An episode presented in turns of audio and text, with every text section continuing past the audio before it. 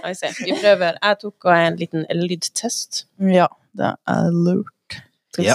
Liten lydtest. Vi har nok tema nå, ikke sant? Og, Ja, helt sikkert. og du kan litt om bioøkonomi, du, Even? Det. Var det deg skulle? Men kan jeg stille spørsmålet, da? Hva er bioøkonomi? Hva er bioøkonomi? Det er å tjene skjelling på alt som vokser. Å, ja, fint! Som ettervekst?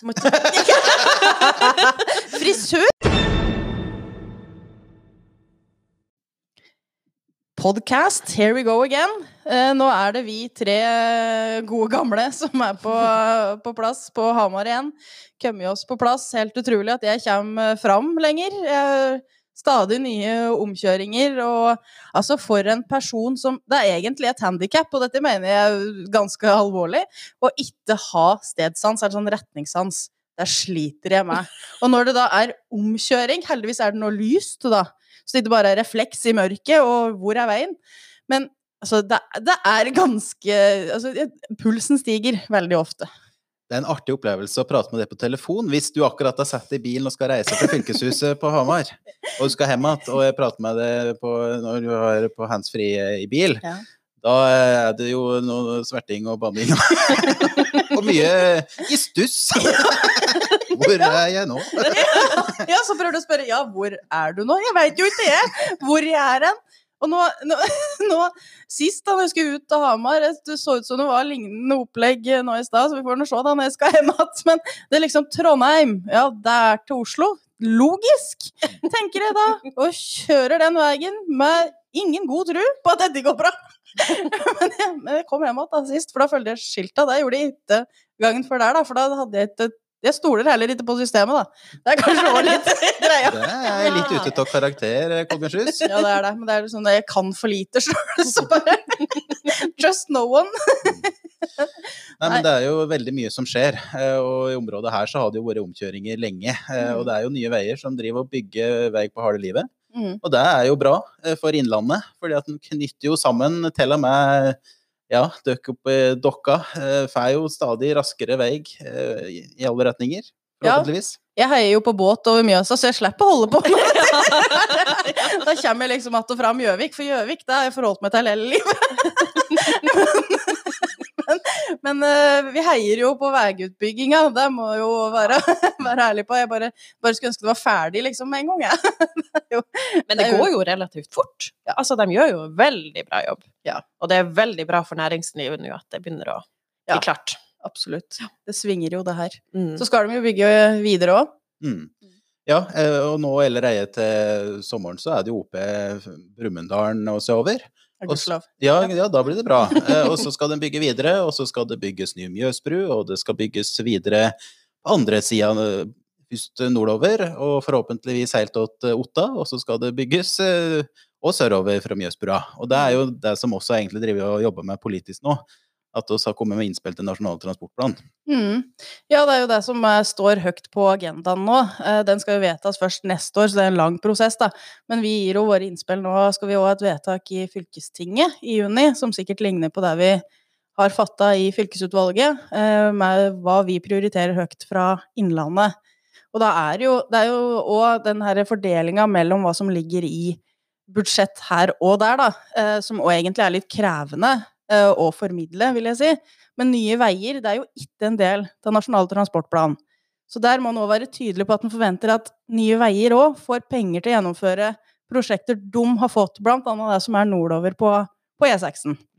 Som ikke ligger inne eh, nå, men det ligger da i, i portefølja til Nye Veier, som man sier. Mm. Men da må Nye Veier òg få penger til å fullføre sine prosjekter. Så det er vi òg opptatt av. Samtidig som vi også skal påvirke Stortinget med vedtak i Nasjonal transportplan. Ja, både E6 i Gudbrandsdalen er lagt til Nye Veier, og E16 eh, Kløfta-Kongsvinger. Slik at eh, det er jo dem som skal prioritere, og dem som skal bygge. eh, og Da må de få penger til å gjennomføre det. Mm. Så det er jo viktig at oss er tydelige på at de må få midler, og så må en òg fullføre det som ligger i eksisterende NTP-er, da. Altså det som ligger i tidligere transportplaner. Så det har vi sagt veldig tydelig i det Mm. innspillet som oss nå har jobba fram. Og så har vi jo en del andre strekninger som vi peker på som er viktige i tillegg. Mm. Ja, på vei så er jo da, da rv. 4, eh, og som går innover mot eh, Oslo, og helt ifra Oslo opp til Mjøsbrua er det er det nesten krise, da, eller hva man skal si. Og særlig eh, oppover og ut fra Oslo opp til eh, industrier som er kjempeviktige for Innlandet. Vi har prata litt om det før òg, men det, de sier jo at de kan jo øke sin eh, inntjening ganske betydelig eh, hvis dette løsner. Hvis de får liksom eh, dette på plass, så vil det bety mye for utviklinga egentlig av viktige næringer i Innlandet. Og da er det jo vår jobb som politikere å lytte til deg, og være med og bidra til at dette kan bli noe bra for oss alle sammen. Og dette er jo viktig litt i ulike perspektiv, fordi at Mm. den nordlige delen, fra Gjøvik og Mjøsbrua, eh, altså ja, Raufoss, Sunndalen og så videre mot Biri, det er jo viktig for å knytte Mjøsbyen sammen. Mm. Dette området det bor veldig mye folk i. Halvparten av innbyggerne i Innlandet bor egentlig i Mjøsbyen, dette her området som slynger seg rundt eh, Mjøsa. Og da er det viktig med god infrastruktur imellom der. Blant annet den båten som du venter på, Mm. Marte. Og så er det jo innover mot Oslo. Det er å få bygd ut videre fra Hadeland og sørover, gjennom Nittedal, Hagantunnelen og helt inn mot Oslo. Det er jo viktig, fordi at næringslivet ser jo at det er en propp i dag. Både Mm. pendlere og dem som skal kjøre på eh, tungtransporten innover, de har kjempeproblemer akkurat i de områdene der. Mm. Og så en annen viktig prioritering som alle østlandsfylker Og gjør meg Setter du NTP i gang? ja, nei, ja. Så ille kan det gå, altså, folkens. Nei, så er det jo òg den uh, satsinga på intercity som eh, har ligget inne i mange år. Men som eh, tas ut igjen og strekkes ut i tid, og det blir liksom mørkere og mørkere, det bildet der på gjennomføring. Så der er han jo glad for alt som kommer inn, eh, tenker jeg, på å få fullført intercity nå. Der må han jo holde tempoet og trøkket oppe for å få, få strekningen mellom Oslo og Trondheim til å være mer effektiv, egentlig. Og så har jeg vært tydelig på det gjennom mange år, at dette her er Innlandet sitt viktigste jernbaneprosjekt. Og det er jo Østlandet sitt viktigste jernbaneprosjekt. Jeg er jo leder i Østlandssamarbeidet og har glede til å samle de nye fylkene Innlandet, Viken, eh, Vestfold, Telemark og Oslo. Eh, Og oss har jo også stått samla om at det er intercity som er øverst på prioriteringslista. Og da, for vår del så er det dobbeltspor helt fram til Lillehammer og skal ikke vike på det. og Derfor så er det ekstra dramatisk når en nå i revidert nasjonalbudsjett ser at de gjør det motsatte. I en Mhm. tid der vi burde bygge mer, få folk i arbeid, så tar de faktisk da ut en strekning på intercity mellom Klæverud og Sørli, tar ut 200 millioner og sier at dette har utsatt oss i to år. Mm. Og Det er helt horribelt, og det sier oss tydelig fra at det er uaktuelt for oss å være med på. Mm. Og Derfor så hadde oss forrige uke òg Jonas oppover, eh, partilederen, for å være med og se på eh, at dette her går ikke an. Og eh, var også tydelig på at intercity det er et av de store jernbanelyftene for Norge, som vi ikke Mm. kan se på at regjeringa nå skyver ut i tid. Mm.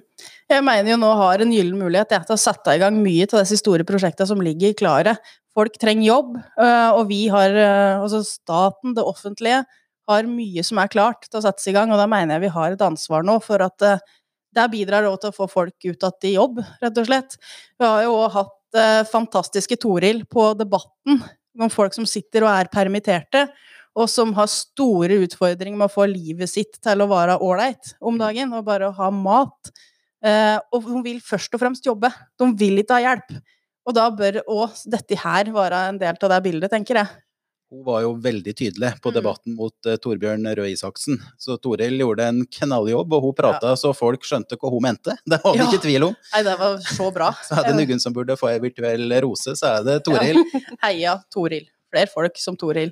Men uh, du var jo litt uh, inne på det, Even, at det er mye folk rundt Mjøsa i Innlandet. Det er her det bor masse folk, og så er Innlandet mye mer enn bare Mjøsområdet. Men det er jo her vi òg f.eks. har sykehusene våre på rekke og rad.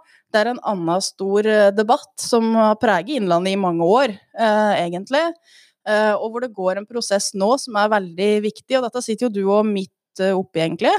Ja, som leder i den eh, politiske referansegruppa, så er jeg jo tett på det. Og nå har det jo vært unntakstilstand òg i denne saken de siste par månedene. fordi at er det jo en sektor som blir prega av en pandemi, så er det nettopp helsesektoren. Så det er jo eh, helt forståelig at det nå er litt skyvd i tid, men det er jo som du sier, sykehusstruktur har han diskutert i Innlandet i flere tiår. Mm. Og Jeg mener helt oppriktig at det har skjedd mer i løpet av de siste årene enn det har skjedd de tidligere tiårene. Så det er jo veldig spennende, men det krever jo noe av oss at vi fortsatt står samla om de eh, prioriteringene som oss har gjort. Eh, Og at vi greier å faktisk finne konstruktive løsninger innenfor den hovedsykehusmodellen som nå er valgt. Da. Og det er jo spennende diskusjoner som fortsatt uh, ligger framfor oss. fordi at ja, han har sagt han skal ha et Mjøssykehus, et hovedsykehus ved Mjøsbrua. Der ligger eh, fast i de vedtakene som er fatta. Og så har han sagt at det skal være et uh, akuttsykehus i tillegg, og et elektivt sykehus i tillegg rundt Mjøsa. Så det er fortsatt viktige lokaliseringsspørsmål som Mm. står for tur. Og nå, nå eh, drar de i gang igjen den prosessen. Eh, Det som egentlig skulle være klart i en rapport eh, nå fram til sommeren, med lokalisering og bærekraft, det blir nå skyvd slik at det kommer et vedtak i styret i Helse Sør-Øst før jul. Mm. Så nå skal han bruke høsten på å diskutere det. Mm. Og jeg tror jo det du sier er helt riktig, at det har skjedd mer de seinere åra enn på mange år, men der er jo òg stikkordet, som du sier, at den har stått samla om hva som nå er viktig. Og hovedpunktet er å få på plass dette nye sykehuset, eh, som vil bidra til at folk får bedre helsetilbud i framtida. Og det handler jo ikke om å snakke ned noen av sykehusene som er der i dag. Vi har masse dyktige folk som jobber på de sykehusene og gjør en knallgod jobb. Men det vil vi òg ha. Det tilbudet vil vi ha for framtidas innbyggere og Innlandet, og da må det skje noe nytt.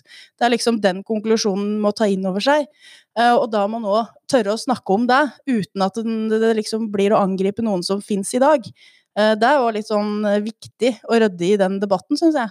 Ås har jo sagt at ja, de lokale ordførerne og folkevalgte og innbyggere skal jo få kjempe for sine sykehus, fordi at det skal jo tas et valg hva skal være akuttsykehuset, hva skal være det elektive sykehuset i tillegg til Mjøssykehuset. Så det er jo helt eh, legitimt å ta den kampen, men jeg håper at det blir innafor den modellen som nå er valgt. Og vi må huske på det, hvem er det som har gått i front for å kjempe for et nytt, eh, komplett sykehus i Innlandet? Jo, det er faktisk pasienten. Mm. Det er pasientorganisasjoner, det er brukerorganisasjoner. Det er dem som sier at oss finner oss ikke i å være kastebeller. Mm. Det, det har jo du òg hatt gode innlegg både i avis og på årsmøter om, Anne Marte. Du var jo ikke den som engasjerte deg mest i sykehus i starten, men du har jo etter kort i livet gjort det. Mm. Altså, du blir jo voksen. Det handler litt om det, egentlig. At du skjønner hva sykehus betyr for eh, befolkninga, egentlig, og for deg sjøl som innbygger. Og, så, og når du hører historier om kreftpasienter, da, som du finner en kul i puppen, du blir sendt til Lillehammer for undersøkelse, så sendes du videre til Hamar for operasjon, så skal du sendes til Gjøvik på stråling, og så har du oppfølging på Lillehammer, og du er sjuk. Jeg tenker at hvorfor skal vi ha det sånn? Det er eh, Altså, jeg vil ikke behandle syke folk som en pakke.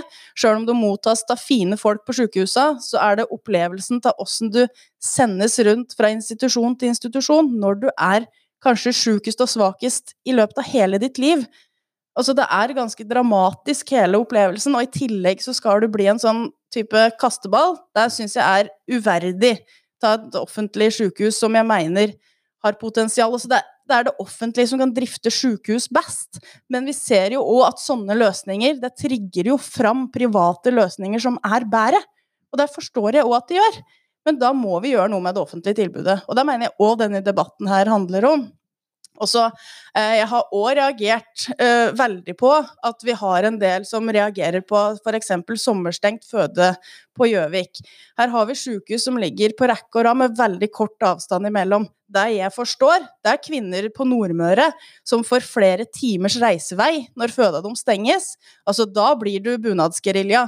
Men når det er snakk om en halvtime til time lengre vei på sykehuset, kanskje til og med ikke noe forskjell i det hele tatt, så skjønner jeg ikke. Da mener jeg at du, du eh, Altså, da blir det opp imot de kvinnene som faktisk kjemper for bedre kvinnehelse, og, og å få kompetanse de har krav på i òg en sårbar situasjon i livet.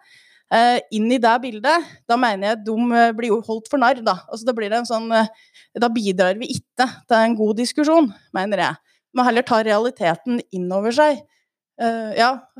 Det er jo noe med det at det er flinke folk på alle sykehusene, men det er ulike kompetanser, og et større fagmiljø er jo med å gjøre det mer robust for å håndtere ulike situasjoner. Mm. Så det er jo også slik når det gjelder føde, at når, hvis det er faglig anbefalt, at her bør oss faktisk ja, særlig like sommertilbud, da, som du sier, samle, så, så er jo det viktig å ta hensyn til. Det mener jeg er det beste for den som faktisk er i den situasjonen at den skal føde. Og absolutt. Og for min egen del, da. Jeg har jo eh, født to barn, og første runden så Mitt lokalsykehus er Gjøvik sykehus. Det var dit det var naturlig å da skulle reise. Men eh, jeg har jo visst hele tida at det er på Lillehammer det er kvinneklinikk, og det er barneintensiv. Og du har alt, da, som jeg beskriver det som, uten å kunne, kunne alt om det. Det veit jeg. Eh, jeg ville føde på Lillehammer. Eh, og jeg var jo Fikk jo svangerskapsforgiftning. Ble først lagt inn på Gjøvik. Så ble jeg sendt videre til Lillehammer med en beskjed fra sånn Vi får se hva de gjør når du kommer til Lillehammer. Var var ikke forberedt på at det var egentlig så veldig akutt. Kommer til Lillehammer, dette er akutt, det skal være keisersnitt i kveld. Og jeg bare OK, da er vi her. Uh, og, og, da kjenner du også på den Jeg er glad for at det er folk som, som, forteller meg hva som nå er riktig å gjøre. Jeg er glad jeg er her de kan ta imot en baby fem uker før den skulle bli født. For vi veit ikke om han kan puste ordentlig. Vi veit ikke åssen han er når han kommer ut. For det veit du ikke før han er ute. Og så, Du er liksom i gode hender hele veien. Og de nydeligste folka jeg har møtt, de jobber på barneintensiven på Lillehammer. Altså, så rolige, kompetente og dyktige. Men min baby var frisk, fin, klar til å puste, good to go, da. Men alle har det jo ikke sånn. Og det var altså Det er en veldig sterk opplevelse, det er det jo, å få unger. Men uh, hele veien er du tatt veldig godt vare på. Og, og det er jo kompetent av Gjøvik sykehus å si at du må til Lillehammer. Det er òg veldig god kompetanse, da. For da veit du litt om situasjonen som, som jeg ikke visste om. Uh, så, så, og sånn vil jeg at kvinner i Innlandet òg skal ha det fram i tid. At du skal kjenne at du er trygg og ivaretatt. Og da tror jeg ikke det viktigste for deg er hvor den føden er. Det er at du er der kompetansen er. Jeg tenker at det er viktig i uh, helsedebatter generelt at en husker på at det er ikke bare at vi er friske folk som har rasjonelle argumenter knyttet til arbeidsplasser og hvor huset en skal stå, men det er noe med at vi er alle potensielle pasienter eller potensielle pårørende, mm. og hvordan ville vi da tenkt når det er kritiske situasjoner? Hva er det vi da forventet av helsevesenet, og hva er det vi faktisk kan akseptere hvis vi vet at vi får et godt tilbud? Mm. Så det er det som er spennende og med sykehusdebatten i Innlandet. fordi at mm. eh, det er jo fatta vedtak. Eh. I, eh, ja, altså statsråden har fatta vedtak om at vi skal få en ny struktur i Innlandet, og at det betyr at det skal bygges et Mjøssykehus som forhåpentligvis står klart i 2028. Mm. Så det handler om at oss må være ja, flinke til å ikke skusle bort den muligheten til å få slike gigantiske investeringer i fylket vårt. Mm. Helt enig. Og de som har vært største pådrivere for et mer samla helsetilbud, er jo de som bor lengst unna. Mm. Det syns jeg òg er et kjempeviktig signal, da. Det er liksom, det er pasienter, og det er de som bor lengst unna. Mm. For de har det jo ikke i byen sin. Helt riktig. Det blir en, en diskusjon mellom byene rundt Mjøsa som er forståelig nok, eh, men da er det òg viktig at vi greier å finne løsninger som gjør at ja, da er det ikke én by som skal styrke seg på bekostning av de andre byene. Mm. Det er faktisk viktig å ha en struktur som er med å bygge opp under at det er, det er gode byer å bo i rundt Mjøsa, og så skal det være gode plasser å jobbe når du skal jobbe på sykehus. Mm. Og da er det jo veldig bra at og de store partiene har vært tydelige i Innlandet, med Arbeiderpartiet sammen med Høyre, sammen med Senterpartiet, og sagt at dette her er det riktige for fylket vårt. Ja, dette skal vi fortsatt stå samla om å jobbe for. Eh, så er det jo det er enda mer store ting som skjer i Innlandet. Det er jo òg eh, For vi har jo høgskole som har fusjonert, og vi har eh, NTNU på Gjøvik som har fusjonert med Trondheim. Og nå har vi jo den fusjonerte høgskolen jobba lenge for å få universitetsstatus, og så fikk en seg en litt sånn kalddusj her for ikke så fryktelig lenge siden om at dette så ikke så lyst ut. Men de jobber med litt ting nå. Ja, og prosjekt Innlandsuniversitetet er jo eh, flere tiår gammelt. Det stammer tilbake tidlig på 2000-tallet, så før oss kom inn i fylkestinget. Ja. Men så er det helt riktig at uh, Høgskolen i Gjøvik uh, gikk jo ut av den prosessen og fant sammen med NTNU, så nå er det jo NTNU på Gjøvik, og vi har et universitet i Innlandet. Og den ser at det åpner noen dører som tidligere var lukka. Og nå er jo Høgskolen i Innlandet fusjonert. Gamle Høgskolen i Lillehammer og Høgskolen i Hedmark. Og de jobber jo med en universitetssøknad, hvor de er kjempeflinke med det.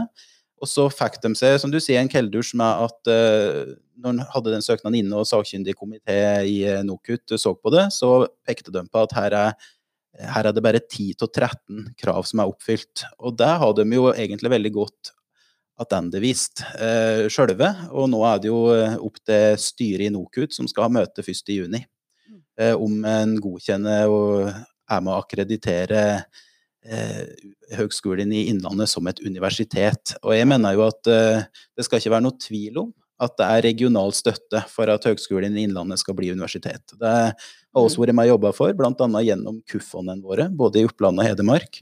Og, og så har jeg vært med og styrka utdanninger og bygd opp det over tid.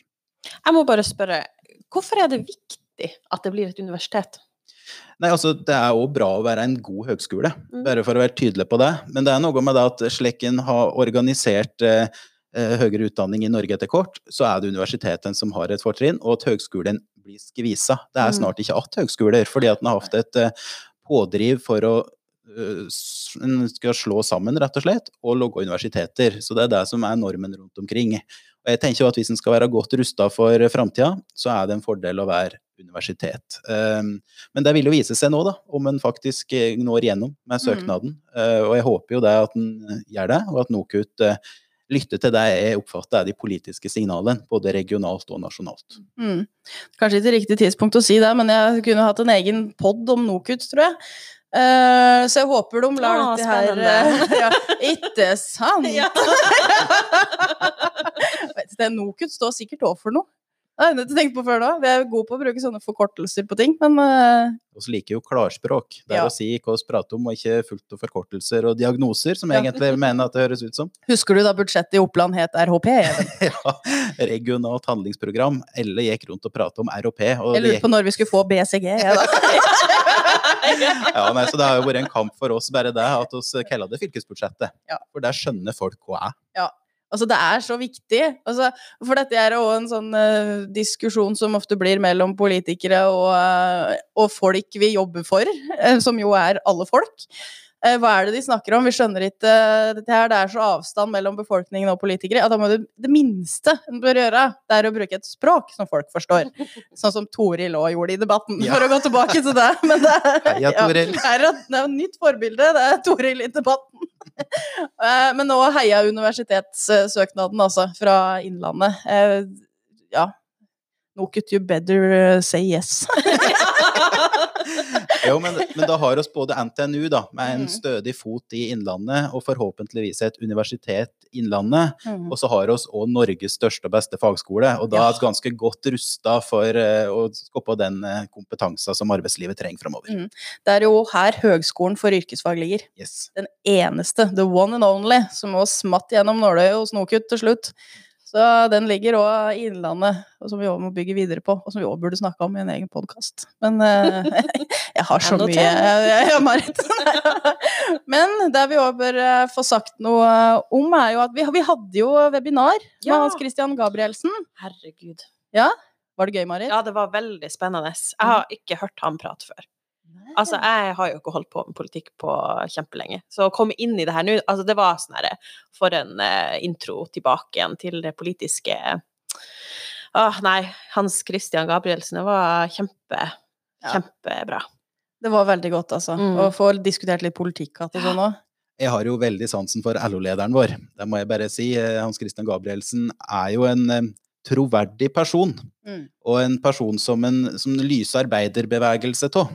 Og som samtidig er vanlige folk. Ja. Og det setter jeg så pris Mm. på. Så jeg har jo veldig sansen for både henne som person, men òg som politiker. For det er jo det han er når han er LO-leder. Og det er Mm. veldig bra at dere da fikk skaffa henne til å være med på det første webinaret, når vi skulle prate om hvordan kan vi skaffe arbeid til alle midt oppi en koronasituasjon. Mm. Ja, nå blir jo alt litt sånn med korona bak teppet, særlig når vi snakker om arbeidsliv, da. Men uh, hovedfokuset vi ønska å ta, er jo den uh, utfordringa som vi har snakka litt om tidligere, men at det er mange som står utafor utenom korona, da. Og som eh, ofte får diagnoser, og som gjør at de ikke Altså du blir ufør, men du kjenner fortsatt at du kunne ha bidratt med noe, men du har ikke den muligheten. De folka, de vil vi ha inn igjen i arbeidslivet. Og der hadde jo Lise Selnes, som ordfører i Nord-Odal, et kjempegodt eh, innlegg på, på dette webinaret. Og, og står jo midt oppi det eh, og jobber med å finne løsninger for de folka det gjelder. Og det er jo det det òg handler om. Vi må ha en politikk som gjør at du gjennom hele livet både kan ta utdanning, få tetta høl i, eh, i den utdanninga du har, eh, sånn at du kan få deg jobb. Det er liksom hele det spekteret jeg mener Arbeiderpartiet må nå være med og utvikle politikk på. Og løsninger for folk. Det her kunne vi snakke om til evig tid, tror jeg, men uh, dette må vi gjøre noe med, er egentlig oppsummeringa mi. Dette her, det, og det er vi som kan gjøre noe med det, da. Og det er jo akkurat det som står i den innlandsstrategien nå er ute på høring, at dette er et av hovedspørsmålene som vi må ta tak i i eh, Innlandet. Vi må inkludere flere i arbeidslivet, og vi må greie å gjøre mer for dem som havner utenfor fellesskapet. Så Mm. Så det er jo foreslått det, at vi må ha en egen plan for eh, det regionale Eller altså en regional plan for det inkluderende Innlandet. Ja. Det handler om dette her. Jeg heier så på det. Uh, for, for det, det, dette var ett tema som også handler om inkludering, men vi har jo vi har minoriteter i Innlandet òg. Hvordan inkluderer vi dem? Og vi trenger kanskje enda flere minoriteter, egentlig. Altså, vi trenger jo folk, og, det liksom, gjør vi det på en god måte? Uh, og så er jeg opptatt av at både inkludering og integrering handler egentlig litt om andre folk. Det handler om oss alle sammen. Uh, og vi har jo, vi har jo samisk befolkning i Innlandet. Åssen inkluderer vi dem? Åssen eh, opplever de Innlandet? Trøndelag har jo gjort veldig mye på det området, eh, og jeg tenker at her bør vi jo liksom se mot dem, og vi har et felles samisk råd som jeg skal få lov til å være observatør i, så jeg ser jo fram til å, å få være med på, og få litt mer kunnskap om, egentlig. Åssen er det å være en minoritet i Innlandet? Ja, jeg veit for lite om det. Åssen er det, Marit? Ja, det er helt jævlig. Det var jo synd, da. Ja, Da er det litt av en jobb å gjøre nå i samisk grad, det sier jeg bare. Nei, det er jo ikke det. Er, altså eh, Hedmark har jo eh, historisk sett en, en eh, fortid med de samiske spørsmålene. Mens Oppland har nok kanskje ikke Det er nok eh, nye vidder dere er og trør på nå. Mhm. Så det blir veldig spennende. Så jeg er veldig glad for at du eh, sitter eh, har sagt deg villig til å Mhm. sitte i samisk råd. Eh, så spørs det jo om det er det den rollen Innlandet vil ha. Mm. Eller om Altså sammen med altså observatørstatus sammen med trøndelagsfylkene. Mm. Eller om vi vil gjøre noe eget. Mm. Så det, men vi må jo lære om det her. Ja, det er det vi først og fremst Mhm. må gjøre. Så må vi finne ut hva kan vi gjøre sjøl. Altså, sånn, og hvilken rolle skal vi ta. Ja. Så det er liksom det det handler om. Mm. Men det er én oppfølging til det webinaret vi har hatt. Så skal vi følge opp med ett tall. Så det neste som står på trappene Hva var datoen, Marit? Det Er er, i morgen. Tirsdag. Tirsdag? Ja. Det, det er alt på tirsdag! Ja. For i dag er det mandag. Ja. og det er jo da Da skal vi grønne på. Vi grønner på. Ja. Vi, det er jo snakka mye om det grønne gullet, um, som òg Innlandet har, og det er vedtatt bioøkonomistrategier og full pakke. Uh, men åssen skal vi få dette til å blomstre? Som også er en framtidsnæring for hele Norge. Hva skal Norge leve av etter olja? Det har vi egentlig svaret på. Det skal vi grønne på med. Ja, og så sveit jo ganske mye om potensialet innenfor bioøkonomien. Eh, Blant annet Sintef har jo skrevet en rapport som sier at bare Innlandet så oss kan skape 25 000 nye arbeidsplasser hvis oss greier å trykke på de rette knappene. Og hvis vi har med oss staten, og hvis vi får med oss næringslivet, så har vi faktisk et kjempepotensial.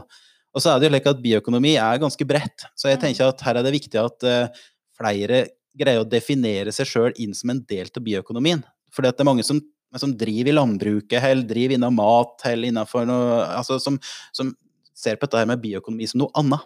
Ja, men jeg, driver, jeg er bonde. Mm. Jeg driver ikke med bioøkonomi. Jo. Altså, du, du er midt oppi. midt i bioøkonomien. Eh, og fordi at bioøkonomi handler jo om å tjene skjelling på alt som vokser. Så det er jo det som er enkelt, men samtidig så vanskelig å formidle ut at vi greier å På de grønne næringene som står tradisjonelt så sterkt i Innlandet, og som mange forbinder med Innlandet, der er det virkelig det grønne gullet ligger. Så da er det Nils Kristen Sandtrøen og Per Gunnar Sveen som skal eh, si litt på det webinaret og hjelpe oss til å trykke på de riktige knappene. Og så får du trykke på riktig knapp og bli med på webinar. Så eh, takk for nå. Takk for nå. Gud, så hyggelig å se dere igjen. Herregud, dere er pene. Åh.